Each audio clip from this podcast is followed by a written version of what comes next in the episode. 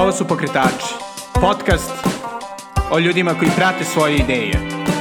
Ja sam Srđan Garčević. Dobrodošli. Dobrodošli u novu epizodu Pokretača. Gost u ovoj epizodi je Ivan Brkljač, čovek koji stoji iza projekta Mokrin House. Ako već niste čuli za Mokrin House, to je inovativni co-living i co-working prostor koji se ne samo trudi da ponudi jedinstveno mesto za digitalne nomade iz celog sveta, već i da oživi bivše najveće selo u Jugoslaviji na samom severoistoku Srbije. Kako sam za uskrs bio u Mokrinu na Tucini jadi, što je ni manje ni više nego svetsko prvenstvo u tucanju uskršnjim jajima, Ivan me je ugostio u svom prelepo dizajniranom salonu, tako da ćete moći da čujete ne samo zvuki digitalnih nomada dok rade, već i vetra koji je tada duvao severno-bananskom ravnicom.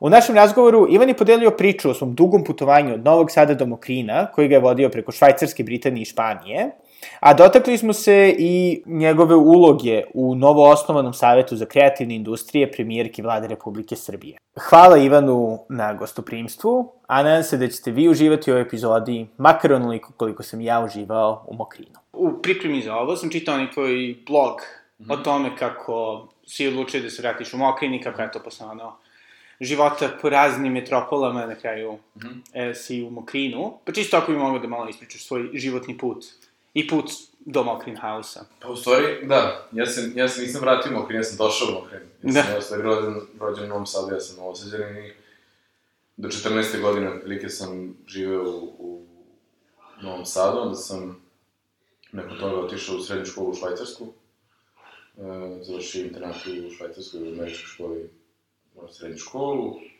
nakon toga fakultet u Londonu. Takav mi je bio fakultet da sam morao da budem na razmeni godinu dana u Španiji, to jest u jezik, da studiram na jezik koji sam odabrao, pa sam ja odabrao španski. Nešto sam onda malo radio u Budimpešti neko vreme i onda sam, u stvari, pre nego što se vratio u Srbiju, napravio sam neku pauzu od par meseci da sam putovao malo po Aziji i tako, i onda sam se vratio, počeo da radim u studij moderni, gde sam ono krenuo da internet departmanu da radim kao veze između interneta i marketinga, a sve ono pomimo kao marketing, to sam imao neku praksu u tome, pa sam kao imao neke internshipove pre toga, pa kao ajde ja ću u marketingu. I onda su u marketingu rekli, ajde ti si mlad, ti možeš to kao u internet, kao da odeš da spuješ spona između interneta i marketinga. Ja kao dobro, i onda kao u internet departmanu, ajde ti si mlad, ti sigurno znaš kako Facebook radi. Ja naravno sam samo dao samo se ulogujem i da ga budem ono korisnik, ništa više toga. Međutim, naučio sam neke te, tako, principu oko social media marketinga, sam, no, to sam vodio to, to za nekoliko zemalja. I onda sam ništa da tražio, te sam da radim nešto veće, međutim, ovaj, e, nismo se dogovorili sa management timom, ja sam dao otkaz, nešto malo radio consulting, social media marketinga i content creation management i svega toga. Znači, to je bilo otprilike kada, 2000? Pa to je, da, 2000, na primjer, 15. I onda počinjem da radim iz coworking prostora, jer mi je, ono, klasičan put sam prešao. Krenuo sam od kuće, pa mi je postalo frustrirajuće, jer ne znam šta mi je odmor, šta mi je posao. Onda sam krenuo radim kafića, to naravno nikad ne može da bude kako treba. Nije ne radi internet, je telemetrija, te nešto. A onda sam krenuo iz coworking prostora da radim. I, I onda mi je tada u stvari palo na pamet da bi... A u stvari sam mogli početi da dolazim, jer tada su objekti već postojali u stvari. Pošto je naša ideja bila u principu da se napravi neki kreativan prostor koji su mladi ljudi napravili za mlade ljude. Onda smo se tražili tu, tada još nisam bio ja toliko uključen u celu priču, ali upravo je bila ideja kao šta su ti neki događaji koji mogu da podignu kulturno, umetničko, edukativni život jedne male ruralne zajednice na veći nivo. Ja sam ja počeo da dolazim da bi završavao svoje stvari. I tu se izrodila neka ideja, pošto je cela ideja mog greenhouse-a, to je terapanonike koja je, da kažemo, pravno ime ove kompanije, ideja mog oca, da se napravi jedna tačka u kojoj ljudi mogu da se okupljaju i i da, da, da stvaraju, ali sam model kako će to da izgleda je bila neka fuzija između njegove vizije i moje neke želje za nekom operativnom izvedbom nekog projekta. Tako da stvari Milanu 2015. odlazim neki sajam coworkinga kao konferenciju i tu u principu se sećam moment jedan moment koji ima coworking prostor na, na Baliju, koja je ono, Bali Chiang Mai na Tajlandu su ono, praktično Meka i Medina, da kažeš, ono, digitalnih nomada i to nekog sveta. I on kaže, mi smo malo ono, izdvojeni, nismo baš u nekoj dobroj lokaciji, ali imamo jako dobru zajednicu, toliko i toliko imenata, toliko i toliko ljudi, imamo osjećaj da smo bilo gde na svetu da vidi naša zajednica, baš zbog nas i šta. I meni se tu stvari spoje neke stvari, aha, mozaikom, imamo prostor, imamo staff, imamo lokaciju relativno dobro, jer si u Evropi, opet nije tako skupo za strane, kako stranci gledaju. I tu se i kao ajde da krenemo da radimo ovo, u dogovoru sa porodicom, tako smo i počeli i maju 2016. lanciramo sajt, prvo gost imamo u junu 2016. Slovakinju jednu i tako kreće. Ove, šta bi rekao da je najveći uspeh Mokrin House-a?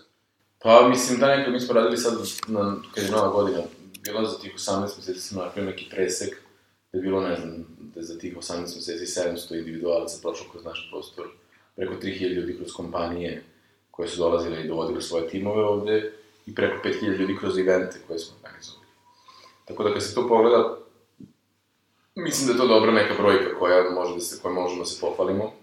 I radili smo stvarno sa nekim najboljim našim kompanijama, lokalnim, da kažem, nacionalnim, ali i inostranim, i stvarno pa i smo individualce, neverovatne, tokom ono, ono što, mislim, to, iz, iz svih polja, imali smo, jer ono što smo mi pročekali, bit će sigurno IT-evci, dizajneri, tako neke stvari koje su vrlo jasne da se online rade, ali mi smo imali advokate, računovođe, e, fotografe, glumce, mislim, baš ono pisce, uopšte nije više internet i uspe stvarno da demokratizuje sve, da ti danas stvarno možeš da budeš skoro, skoro u svakoj profesiji, da možeš da svoj posao radiš od nekog. Ali ono što je neki uspeh je što da smo konačno uspeli da, da, da uspostavimo neku drživost, to je da kažemo neki ekonomski ono, bitan ono milestone, ali neke te na kraju ljudske priče budu one koje su naj, za mene neke najveće pobeda. E, noć je bila, radili smo te neki noćni piknik što radimo jedan eventa, bila neka predivna, ono, vojvodinska noć, topla, tipa 200 300 ljudi na travnjaku, vamo su neki digitalni nomadi, njih 30 stranaca koji tu gledaju, piju vino, ono, pričaju, izvezuju se, vam ide neki film, akustični bend, lokalni svira u nekom drugom ćošku, neki ljudi igraju šutu, dodaju sa loptom, obaraju pivo nekim tu drugim, niko se tu ne ljuti, ne buni, i ti u stvari vidiš da je jedno ruralno mesto koje znaš da umire, u stvari ipak živi. Ti momenti su za mene bili ono, stojim sam i gledam ono, i bukvalno suza mi krećem iz oka, zato što znam da ono, smo uspeli da donesemo neki taj dodatan doprinos lokalne zajednice, da su ono, tu povezani sa svetom, jer sa njima su ljudi iz celog sveta, ne znam, to su neke stvari koje mislim su za mene konkretno najveći uspeh. A u dolasku do, jelite, idilične vojvođanske noći, šta je nekako bilo najteže u celom projektu za tebe? Pa se to kad sam u januaru 2016. odlučio da kao, ok, sad preuzimam to na sebe, sad ću da vodim projekat, u tom momentu ja sedam sam u našem coworking prostoru, a eto, upravo kontrat slika od te neka hladna noć, vetar duvove, skoro ko sada, možda malo jače, čuje se sve, ja sedim sam i razmišljam, pokušavam sebi da opravdam rezervovanje neko, da logiku kao da ću ja jednog dana da dovesti ljudi iz celog sveta. Mislim, u tom trenutku ti sediš sam u onom selu, jeste da imaš ovu arhitekturu koja je stvarno, ono, zahvaljujući autorima, je stvarno neverovatno, ona je super, ali, ok, kako ti da napraviš kvalitetan sadržaj da bi, ljudi stvarno došli ovde. To neko malo maštarenje da će jednog dana neki stranci ovde da ono bosonogi prolaze, tada je bilo najteže možda verovati u ispunjenje toga. A jel iko ikada, ono, u tvojoj porodici ili šire ti rekao kao, mislim, zašto se ovim bakćeš? E, sećam se u stvari jednog Ćaletovog prijatelja koji vodi uspešnu marketinšku agenciju u Beogradu i sad ja sam krenuo da radim u projektu i jednom poverenju malo na komom Ćaletu on je došao i rekao ej mladi da se zakuca to selo, nemoj, znaš, ono, tipa ono, šta to sebi radi u životu, daj, evo nek dođe.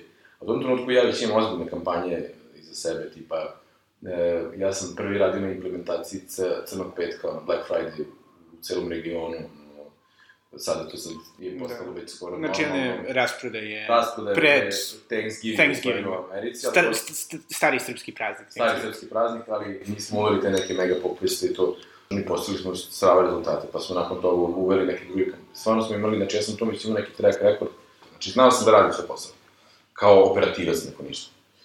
I taj čovek, prijatelj mog oca, kaže, daj mladen se te zakuca u to selo, daj zove kod mene da stažira. Ja sedim tu, već imam 23-4 godine ili koliko već, možda čak i 5, imam neko iskustvo, znam da znam da radim, radim kao, radio sam i kao freelancer, mislim, radim u tom trenutku kao freelancer, i sad mene neko zove da ja negde idem stažiram u Beograd, jer se zakucavam u selo. I onda se desi u momentu, jednom, da je dizajner jedan momak koji radi iz Airbnb dizajn. Bio kod nas i pričamo nešto i pričamo razgovor koji bi paralelno mogao na isti da se dešava pod nekog ono oblakodera u Njujorku. Znači, taj level razgovori se da, da, događaju svakodnevno ispod naše gore. I tad, kad se to prvi put zapravo desilo, sam ja shvatio da sam ja iz Ukrina mnogo bliži svetu nego što bih bio da sam otišao u Beograd. Tako da da, ljudi su bili u zonu, ne, nema se gde radiš i šta ćeš tamo i kad ti nije dosadno i sve to. Ali sada drugi ljudi mene pitaju, ej, kad mogu da dođem, da, da ni više mi se ne postavlja to pitanje. Da, a šta misliš da je bio ključ činjenice da, da, je, da Mokrin privlači ljude? Pa, i mislim da generalno taj pokret u, u, u Porestu ima, ima ovakvih lokacija, e, ne toliko još uvek širom sveta, ali biće svakako Sad više, mislim, na neke statistike smo gledali na tim konferencijama kada se radi istraživanje, svake godine sve i više više ljudi stvarno može da radi sa neke nove lokacije, da, da, jer vrlo je, vrlo je prosto. Amerikanci su tu naravno kao mnogo čemu ispred svih, jer šta su shvatili? Gledaju, na primjer, kompanija u teoriji ima 10.000 ljudi. Oni kažu, ok, 1000, znači 10% naše radne snage može da radi od kuće. Ti imaš, znači, ljudi koji odu da radi od kuće, a onda im kompanija kaže, vidite, ali to što radite kući, to vam je benefit, znači malo manja platica. I oni kažu, ok, ne moram točno gore, ne moram, ok, nije to. S druge strane, kompanija obriše 10.000, to je ovo, 1000 radnih mesta, stolova, plaćanje troškova, rente, svega, manji su im troškovi, a dokazano, su radili studije, studije da produktivnost ne pada kada ljudi rade od kuće ili iz neke druge lokacije. I sad, e, vrlo je jednostavno, jer je to win-win situacija. Oni nude svojim zaposlenima da rade od kuće, E, za manje para i ne plaćaju troškove njihove da budu na poslu. Ovima ne pada produktivnost, što se pokazalo sad, jer kad se radi po tim deadline-ima, opet bude sve okej. Okay. I onda neki Amerikanac uzme svoju prosječnu platu i ode na Tajland, Bali, Srbiju, Hrvatsku, ne, i živi kao kralj za prosječnu platu. Znači, mnogo, ono, što kažu Amerikanci, get more bang for your buck, ono, bukvalno, žive mnogo bolje nego što bi živeli sa, to, sa tim novcem u Americi, i naravno će odlučiti da, da proputuju svet ili da se baziraju negde da mogu da doživaju u životu sa istom količinom rada. Da, međutim, opet da, da, da. da bude malkice djavol i advokat, s jedne strane, ono, postoji, ne znam, Bali, postoji Panama, postoji mm. Tajland, da. ipak Srbija, onako, ne mogu da kažem. Ne pa ovako, pa Evropa je generalno kao kontinent i dalje vrlo privlačan zbog svoje istorije, kulture, ipak je Evropa još uvek neko mesto koje se smatra dobrom, ako ništa turističkom destinacijom. Srbija je tu zanimljiva zato što e, postoji limitacija, naravno, koliko neko može provoditi vreme u Evropskoj uniji. I mi smo tu dosta ok, što mi van Schengen zone i vaš van Evropske. Ali ono što je kod nas jedinstven koncept, zato što smo mi jedno vrlo moderno mesto u ruralnom prostoru. To ne postoji zapravo još uvijek nigde. Postoji kolivim prostori širom sveta, postoji poneki kolivim prostori u ruralnim sredinama, ali nijedan modern ono, ono što mi vidimo je kako modern život na selu treba da izgleda, ne ona romantična verzija kako je nekada na selu bilo pa su konjima jahali, to ne, nego internet je 100 megabita u sekundi, koji je optički dovučen od iskih kinde, e, svi uslovi za modern, kvalitetan život, sve što ti treba, ali si u maloj sredini. Ti onda kad se fizički izmestiš iz urbane sredine, ti imaš mnogo više vremena za sebe u toku dana. Ono što ljudi nama kažu ovde, mi to zovemo pozitivna izlovovanost. E, ljudi dođu kod nas i budu stvarno onako, završio sam za tri dana ono što mi treba nedelju dana da uradim u Beogradu, Minhenu, Londonu, jer šta je, ovde nema redova i čekanja metroa ili čekanja parkinga ili gubljenje vremena u saobraćaju ili ono, nema, nema ti generalno, ti kad si ovde, mi pre svega radimo i čišćenje, i kuvanje i sve, ti imaš više sati u danu, ti ne, ne primetiš koliko stvari ti, ti se razvuče u danu. Onda ljudi kažu da i radio sam više i uspeo sam se odvojiti. A druga stvar koja se dešava jeste da kada si na ovako malo mesto, ti nemaš onaj FOMO da ćeš nešto da propustiš u, u gradu, ali realno kad ti pomisliš u velikim gradovima ima jako puno sadržaja. Koliko tog sadržaja neko ko radi full time može da iskoristi tog pojede nedelje? Ode na jedno piće, možda dnevno, ode malo, ako ode u teretanu ili ode neki sport, odradi, te prošlo je dan, nema tu sad, ne ideš ti na četiri pozorišne predstave dnevno, mislim, niko to, Tako da svakako, ono što je prednost naša, mi smo relativno dobro povezani. Beograd je na 2 sata, Temišvar je na sat vremena, Budimpešta na 2,5 sata, ti aerodromi su blizu, ti vrlo lako možeš da iskočiš negde u neku evropsku ili predstavnicu ili manji grad, pa se vratiš nazad, fokusiraš se na rad, pozitivno izoluješ i onda ovaj, odeš negde drugo. Druga stvar zašto smo mi stvarno mislim da imamo tu neku prednost je, kada si u izolovanom mestu kao što je ovde, mi svi jedemo zajedno, pričamo zajedno, jednostavno ljudske veze se mnogo brže formiraju. Ja primjer koristim primjer tog, kada se baš došao momak Sam iz Norića, on je UX dizajner, nikad ga nisam vidio u životu, dva, tri mera smo razmenili, on je došao. Ušao u skapiju, tri sata kasnije, dobro, i dve boce vina kasnije, ali on meni, i tada je mene ostavila devojka, i onda sam ja otišao vamo, i onda sam uradio ono. To nisu razgovori koji se vode sa nekim koga upoznaš u gradu, negde na piću, u kafiću, pored na dva, pred, naravno, pre dva sata. Ali s obzirom da si ovde fokusiran, okrenut jedni ka drugima, ljudske veze se mnogo brže formiraju. I ta neka osjećaj potreba za pripadnošću, ja mislim da je jedna stvari koja je neopipljiva, ali vrlo bitna u našem i biznis modelu na kraju krajeva, jer ljudi se ovde vraćaju zbog ljudi koji upoznaju na kraju krajeva zbog nas sami. Jer ono što se nama izrodilo kao neki slogan koji mi prepoznajemo da je vrlo dobro, dobro opis onoga šta mi radimo je ono, dođi kao gost, idi kao prijatelj. Jer to je bukvalno ono što se dogodi. Kad se nekim provedeš mesec dana, jer ja živim ovde, ja mm. provodim vreme ovde, i kada ne, meni se neki ljudi koji odu, meni ne, ne, ne ostaju mi, u mojoj kući. A pored toga ono što se dešava, stvarno uvijek je neka druga atmosfera ovde. Mi se, ja sad odem, na primjer, u Beograd dva dana ili u Peštu na pet ili čego, vratim se, druga ekipa je ovde, neki novi ljudi su došli, neki novi ljudi su otišli, promeni se, ono, potpuno promeni, ono, atmosfera u kući. I ti onda imaš osjećaj i kada si stalno ovde, da putuješ iako ne ideš nigde, jer se ljudi menjuju. Je li bilo nekih, ovaj, posebno napornih gostija? Pa, mislim, ljudi su stvarno specifični, da svako drugačiji. Ali ono što se dešava kod nas tamo, recimo često kažu, e, šta, što niste malo bliže Beograda, da ste na pola sata od Beograda, bilo bi idealno.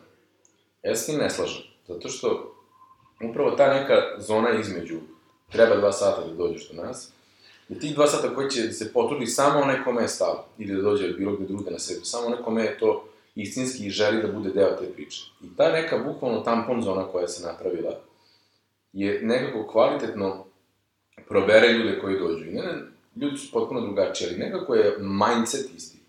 I generalno mislim da mi, pošto nas ima ovde ipak 18 nas ovde radi celokupni stav, mislim da mi nekako oblikujemo tu atmosferu da bude takva da stvarno sada nikakav incident nismo imali, smo nekoga morali, ne da Bože, da zamolimo da ode, ili da se ponaša drugačije nego što se inače ponaša. Bilo je nekih, ono, normalnih stvari, neko, ono, slučajno polomi nešto, tako, nema to, nema nikakvih problema, ono, da je neko da, da. se posvađao sa nekim, stvarno, nekako se tako ljudi su se profilisali do sada, evo, se da to neće menjati, nismo imali nekih velikih problema. Koji je, otprilike, miks ljudi što se tiče, recimo, stranci, versus lokalci. Što se tiče, recimo, tih uh, individualaca koji dolaze, mm. 98% su stranci. Što se tiče kompanija, to je recimo 60-70% su naše, da kažem, kompanije, ili to je predstavništvo, uglavnom predstavništvo stranih kompanija kod nas, i to je negde, recimo, 60% su naši, a onda su nešto imamo, pošto mi smo tu blizu Rumunije, pa dolaze neki Rumunije, ima nešto malo Đara, Hrvata, region, da kažem. Da, da. Ali 60% da kažem, tu su naši ljudi. Mhm. A kako ljudi uopšte saznaju za, za Mokrin House? Pa Mislim, ti 98%. To, to neko moje iskustvo u digitalnom marketingu, e, radimo sa različitim partnerskim organizacijama koje jednostavno koriste naše servise da pošalju ljude kod nas. Primjer, da sam imao fenomenalna kompanija Remoteer, koja e, u principu od grupe od 60 50 60 individualaca napravi jednu malu putujuću zajednicu koja 12 meseci putuje po celom svetu. Znači, to je, oni naprave malu skupinu ljudi, oni plaćaju 2000 dolara mesečno, i za tih 2000 dolara imaju neki stan, coworking prostor i karte, i onda oni budu, recimo, 4 meseca Južna Amerika, 4 meseca Evropa, 4 meseca Jugoistočna Azija. Pa mi smo super Srbija, tu super i Beograd je jedna destinacija, 4-5 meseci budu ovde ovaj, godišnje, zato što smo van Schengen zone upravo i koriste Srbiju kao tu pauza zemlju, da mogu da druge zemlje istražuju. Recimo, jer je Prag jedna destinacija, u Schengenu. I onda, kad god dođu kod nas, uvek obavezno ekipa, deo, svi neodređenim trenucima dođu u Mokri House. Na nedelju dana, na vikend, kako god, a neki ljudi, on, i onda se to širi, recimo, imali smo ljude sa uprosto tog tir programa koji odustanu celog meseca u Beogradu ili, ne znam, u Pragu da bi bili kod nas ljudi uglavnom pričaju o tome kako nestaje osjećaj zajednice, i, mm. a baš si to pomenuo koji je od razloga zašto se, zašto se ljudi vraćaju mokrini u njemu mm. ostaju. Kako uspevate da pravite taj neki osjećaj prijatne zajednice? Šta misliš da je pa, dobar community management, u stvari, i to je, um, to su momenti u kojima, to su tako male stvari, a toliko puno znači. Recimo, koliko ja znam, ti voliš e, čokoladu, a ovaj čovjek preko puta sam upoznao, on je jedno vreme radio u fabrici čokolade, ja ću da kažem, e, znaš ti da je on radio u fabrici i da napravim samo tu konekciju i povučem se. Plastični primer, može da se sprovede na svaku drugu scenu, ono, ali bukvalno, da budeš taj katalizator između ljudi koji su u tvojoj zajednici s jedne strane, s druge strane da spojiš taj, kažeš, svoju neolokalnu zajednicu sa postojećom lokalnom zajednicom, što radimo kroz evente, i da onda, recimo, dodaš malo autentike, recimo, prošle, znači, ne, subote je bilo preskakanje Lazarice, od Ubanatu to popularno. Šta je Lazarica? Lazarica, to je noć pre Lazare u subotu, se pali, to je, mislim, ne znam, to je isključivo što ubanaćinski ovaj, običaj, zapali se neka vatra i preko nje se preskače. Ne, mislim, bukvalno to je to i to je preskakanje Lazarice. Ti onda dovedeš nekog ko je iz Pensilvanije i vodiš ga da preskače Lazaricu, on će zauvijek da zapamti to kako je preskakao vatru u nekom selu u Srbiji. Jednostavno možeš da se posvetiš tome da prikažeš ono što, šta veruješ da je ovo naše što imamo pozitivno. Recimo, danas je e, uskrs u, Mokrinu smo bili to i, i ti si bio na proslavi, mi smo vodili celu ovu našu ekipu da, koja je trenutno kod nas na imanju, mi smo ih vodili da, da prisustuju tom, tom svetskom prvenstvu tucnim uspešnim jajima, pa smo onda rekli kad se... Niko nije učestvovao. Pa to mora se ranije priviti, to je ozbiljna, ozbiljna procedura, ali recimo imali smo seoski parti se pravi svakog zadnjeg vikenda avgusta ovde ko pravi mesna zajednica. I tu se rade te neke seoske igre, bacanje ka, cigle velikog profila, formata, velikog formata, e, kotrljanje traktorske gume, ne šta. Isto smo imali neku grupu 30 Amerikanaca ovde, prijavili smo ih sve, jedan je uz e, srebrnu medalju u, u okretu tu, bukvalno podigli se guma traktorska, kotrlja se ovako, napravi se krug i ko prvi stigne, taj pobedi, ovaj stigne, drugi dobije srebrnu medalju. Tako da ih uključujemo u te neke stvari, jer to je onda ono stvari što njima ostane zauvek ovaj, usađeni to. Da, e, isto pre nego što smo krenuli, intervju isto si pominjao i dosta dobru sradnju sa lokalnom zajednicom. Mm -hmm. I organizujete, ili tako, i tako bioskope i... Tako je. Mi znači, znači imamo dva neka, da kažemo, glavna ta stuba onoga što smatramo da je bitno za revitalizaciju uh, i ovog malog kraja i samo našu državu. Znači, ta ekonomska država se postiže upravo kroz uh, dolazak stranaca ili kompanija i timova kod nas koji za to, te usluge koje mi njima pružamo, oni nam ostavljaju novac. Taj novac nam omogućava da, ajde, pre svega isplatimo neke plate i sve to što radimo, održavamo ovo imanje, ali takođe se ostavlja neki mali prostor za te neke događaje koje onda organizujemo za naše članove, koji su ovde, i za lokalnu zajednicu. Pa recimo, primer toga je TEDx, na primer. Mi smo organizovali prošle godine prvi ruralni TEDx u regionu i ove godine smo ponovno dobili pravu licencu sa temom, recimo, prošle godine tema je bila globalno selo. Kako uspeti u stvari, i onda su bile najrazličitije priče iz, iz, iz Srbije, iz inostranstva, ali u principu sa fokusom kako su ljudi uspeli na najrazličitije načine da uspeju nešto da pokrenu, urade, dostignu iz malih zajednica. E, to pomenuo si sam, svake srede tokom leta imamo e, moćne projekcije gde mi razvučemo platno veliko na tom našem travniku koje imamo, E, puštamo filmove dogovoru sa i Francuskim institutom, Cervantes, Goethe institutom, da oni nama ustupe prava za emitovanje nekih filmova koji su dobijali nagrade na kanskim festivalima, berlinskim i tako dalje. To je znači blockbusteri, nego su to neki uglavnom filmovi sa porukom i teškom tematikom. Ali mi smo u početku imali ono, dvoje ljudi, petoro, desetoro, dovlačimo ljude da gledaju filmove. Ali evo, s prošle godine, 80, 100, 120, neki jedno smo imali 150, nismo imali više e, ni ćebad, ni klupa, ni, ni stolica da stavimo ljude. Zavisi kako, ali potrebna je ta istrajnost, jer ne ti ljudi u startu. Ti zoveš neko dođe gleda film, neće doći. Moraš da ih bukvalno... Ja moju frizerku koja sam, ja trudim se sve što radim da radim lokalno, stvarno, i kupujemo lokalne namirnice, ja se šišam ovde, ja kada se vraćam od da sipam ono 500.000 dinara goriva, da mi ostane na rezervi i onda napunim punu rezervora ovde, da bi ova pumpa mogla da O, I oni su, e, zapravo, a možda zbog takvih stvari, ja verujem, volao bih da verujem da tako, ali pumpa je nekad radila do šest, sad radi do deset. To je još jedna smena, to je još jedan posao. To je ono, i neki komfor veći za mene, da ja mogu osam da napravim gorivo ako mi treba, ali ja se zato trudim da se radim lokalno. Moju frizerku još uvek, čiže se kod nje godinu i po dana, još uvek nisam uspio da da dođe. Jer ja njoj kažem, dođi sledeće nedelje, imamo radionicu za da ima, ima i klince, ona dovedi, imamo radionicu za decu, dovedi klince. Vidjet ćemo, vidjet ćemo. O, naravno hoćemo. Ako bude, ako bude bilo vremena, ako godinu i po dana.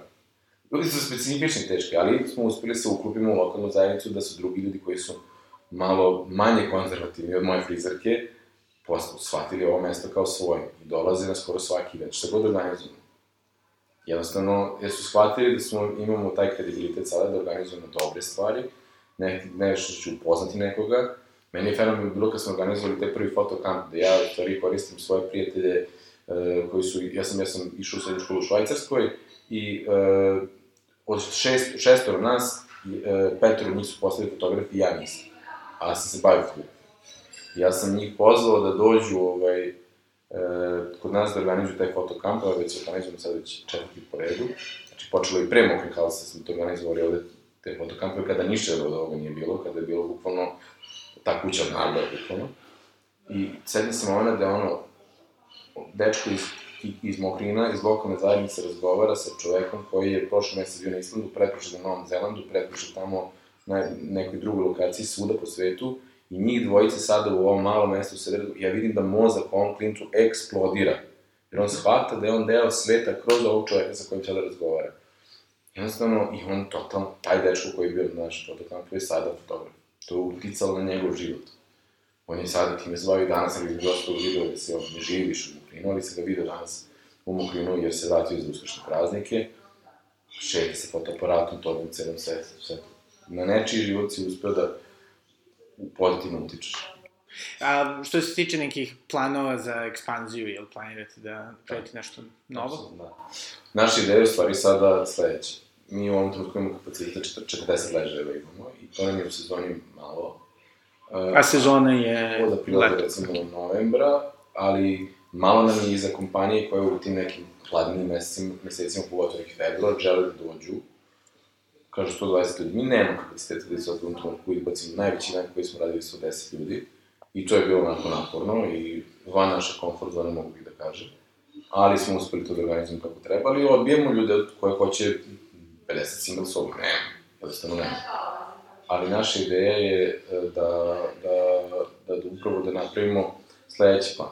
Znači, ne želimo da se širimo kao direktno, kao kampus, da proširujemo kup ono, od komšije i to, nego pošto je Mokri nekada bio najveće selo u bivšoj Jugoslaviji sa 35.000 stanovnika, sad ih je ispod 5. U ovom trenutku postoji puno napuštenih kuća. I koje su u nekom relativnom komšiluku, na minut, dva biciklom od, odavde. Ideja da napravimo male satelite od tih napuštenih kuća koje lako mogu da se recimo i katastarski reše, pošto postoji komplikovani katastarski komplikovani kuće za, za, za kupovinu, a ne da ih mi kupimo, nego da upravo omogućimo digitalnim nomadima ili ljudima ili kompanijama ili ljudima koji žele to da da kupe kuću koje su, nekada su jako jeftine, tipa 15.000 evra, ti možeš da kupiš kuću sa okućnicom i sve to redno, da uložiš malo novca u to da se po nekim standardima koje smo postavili to napravi da to izgleda kako treba, i da onda mi garantujemo da ćemo od tebe da iznamimo, recimo, da, i, a, recimo ti kupiš kuću, e, tvoja kuća, tvoje vlasništvo, ti si uložio novac, mi ti garantujemo povraćaj investicije, ono, 5% na godišnje, a ti imaš pravo mesec dana da ga koristiš. Ukoliko hoćeš koristiš 3 meseca, onda ti se smanjuje return investment, ali u principu ti si sada neki digitalni nomad koji putuje po celom svetu, a treba ti neka lokacija gde ćeš da staviš stvari koje ti ne trebaju. Gde će ti stiže neka pošta, gde ćeš da plaćaš neki porez, gde ćeš, znači, da bude, da ti rešim tu neke logističke stvari koje ti, jer šta sad, ukoliko si ti, ne znam, na primjer iz Holandije, da imaš stan u Amsterdamu, da vizaš preko Airbnb, ko će to da sprema, šta ako se pokvari sijalica, bilo šta, procuri negde nešto, Mi ovako uzmemo, državamo ti tvoju imovinu, tvoju investiciju, mi ti garantujemo x amount of non return on investment svake godine, a servisiramo ti deo. Znači ti ne brineš što ti je i kuća koja je na tvoje ime, a opet i neka vrsta investicije. Aha. I da onda, a samim time mi ne koristimo naše resurse da se proširimo ovaj, da. po, po selu, ne, ne pravimo nikome problem, ne otkup, nikoga ne iseljavamo, tako nešto uzimamo napuštene kuće, već smo mapirali 17 objekata koje mislim da bi mogli da budu u toj inicijalnoj fazi. Treće, dobijemo nekog advokata koji po, jer kad se desi, ne znam, da ti iz Holandije odeš na Tajland i tamo na Tajland priča sa nekim koji je iz, ne znam, ono, Belgije, i onda ti mi kažeš, e, pa imam ja kuću u Mokrinu, znaš što je mesto, globalno selo, ha, ha, hi, hi, hi, idi tamo. Ako ti dovedeš meni još jedan novog klijenta, imaš commission. Super, ili ste već lansirali taj... Ne, ne, ovo je, znači, razvojna faza, mapirali smo neke objekte, razgovaramo sad, vidimo kako ćemo to da postavimo, jer još uvijek malo to pravih stvari, neke stvari nisu jasne, ali razgovaramo o tome i onda ćemo da počnemo da da radimo to. Isto, skoro ste, jeli, bili mesto prvog sastanka Saveta za kreativne industrije premijerke Ane Brnabić. E, jel, čisto ako bih hteo da podeliš otprilike, koje, šta ti misliš da bi bilo veoma bitno za kreativnu industriju u Srbiji da prosperiraju? Ah, to je, kreativna industrija je toliko veliko polje da je jako teško definisati šta je jedna stvar koja bi se mi mogla da... Ja mogu da kažem, recimo, iz mogu ono šta je bila predmet razgovora na primjer. Um, ono što je bi nam odgovaralo, recimo, mi ne možemo adekvatno da se registrujemo u APR. Postoji coworking prostor ili co-living prostor kao šifra delatnosti kojim ti možeš da se baviš. To je jedna stvar koja, na primer, mislim da je relativno lako rešiva i da samo treba neka inicijativa da se da postoji. To je jedna stvar. Naprimjer, druga stvar, Estonija je uspela sa svojom tom i rezidenci momentu da napravi stvarno jedan boom i da vrlo pozitivnu stvar za svoju zemlju naprave, na taj način da tamo mogu se registruju kompanije vrlo lako. Zašto mi ne bismo bili ta lokacija za kreativnu industriju? Ili u ovom konkretnom slučaju, ono što sam ja nešto predlagao, što mislim da može da bude relativno lako rešivo, da postoje neke specijalne vize za digitalne nomade, da ti je vrlo lako može da apliciraš, da ostaviš, ajde ne, tri meseca koliko je trebno, zakonski maksimum, nego da može da reapliciraš kao što Tajland ima za još recimo tri meseca. Kome bi to smetalo da, da, da, da onda mogu ljudi koji su iz celog sveta da ostanu duže ovde, ostavljaju svoj novac ovde, borave duže, mislim da je to jedna, to su neke konkretno iz mog ugla stvari koje sam ja, pošto upravo ideja da se savjet podeli na neke te task grupe, da se radi, jer ja sa udruženjem galerista nemam puno zajedničkog, a ipak smo u istom sektoru kreativnih industrija. I oni imaju ozbiljne probleme o tome i o pravima uh, ono, publishinga, kako da prodaju. Nije regulisano Srbna za Srbiji uh, tržište umetninama, a to, to nije konkretno problem koji mene uh, dotiče, ali razumem da postoji. Da smo se upravo podelili tako da po nekim task grupama radimo na tim stvarima, da bismo efikasniji bili. Mislim, vidjet ćemo šta će, kako će to sad sve da izgleda, ali to je, to je generalna ideja ovog saveta. Šta bi, eto, za kraj, bio tvoj savet ljudima koji žele da pokrenu nešto u Srbiji? No, samo da, da, da, da pronađu ono što, u šta veruju, samo da se posvete tome i da budu istreni, jer strpljenje je ono, navikli smo na instant gratifikaciju, da sada dobijemo ono, da kad poručimo ih za posle hrana, da svaki obrok mora da mi je savršen, da sve, navikli smo da se vrlo lako, ono, da dobijemo tu neku mini, malu dozu, ono, sreće koja nas drži od država, mislim da istrajnost i strpljenje su bitni nego ikada. Sada je nikad lakše početi bilo, nikad teže da uspeti nije bilo, isto to takođe verujem. Ali ono, ako veruješ u nešto što, što i živiš to u što veruješ, naravno, moraš da imaš sreće, ali manje su šanse da će uspeh izostati ukoliko si posvećen, strpljiv i veruješ ono što radiš. Da. Ali opet, faktor sreće je uvijek jako da. bitan. I sada, konačno, konačno pitanje. Šta misliš da je e, najvrednija stvar u, da kažem, severnom Banatu, u celom ovom regionu? Šta ljudi ne smeju da propuste? Izuzev, naravno, House. ja sam rođen, znači, u gradu, u Novom Sadu, ovaj, i studirao sam, znači, u srednju školu sam išao u Švajcarskoj, su svuda planine, ja mogu da se, da se setim tačno momenta da sam ja noćima umeo da sanjam ravnicu i zalazim sunce na ravnicu.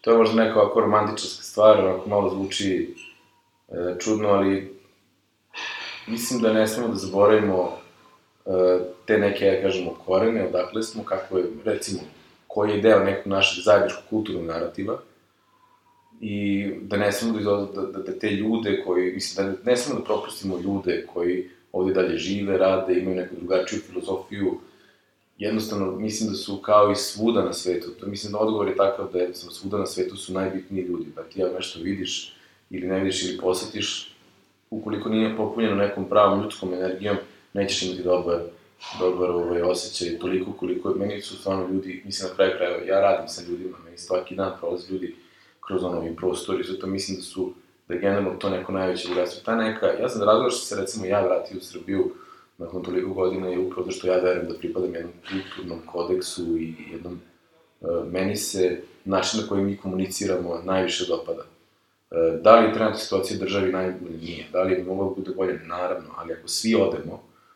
izgubit ćemo to. Ja sam se, iako sam stvarno dugo napolje bio i mogu sam se uklopiti, i dan danas smatram za sebe da sam građanin sveta, da to meni nije problem da budem u selu u Srbiji ili da budem na Manhattanu ili da budem ono negde u Aziji. Isto se osjećam. Ali e, ono što je, mislim da je jako bitno jeste da upravo ja sam zbog toga vratio, jer sam ja volim kako mi možemo da sednemo, da popijemo rakiju, da razgovaramo, da budemo prijatelji relativno brzo, da ne postoji neke, jednostavno ja želim za to da se borim da se to očuva ne, kroz neki svoj način i to je razlog čega se vratio. Ja pripadam ovde i voleo bih da se borim za to da sutra, preko sutra bude bolje nego što je bilo, a što dokle stignemo vidjet ćemo, ali mislim da to je vredan onako, onako voz koji se vredi boriti. I to je bio Ivan Brkljač iz Mokrin House-a. Hvala na slušanju i doviđenja.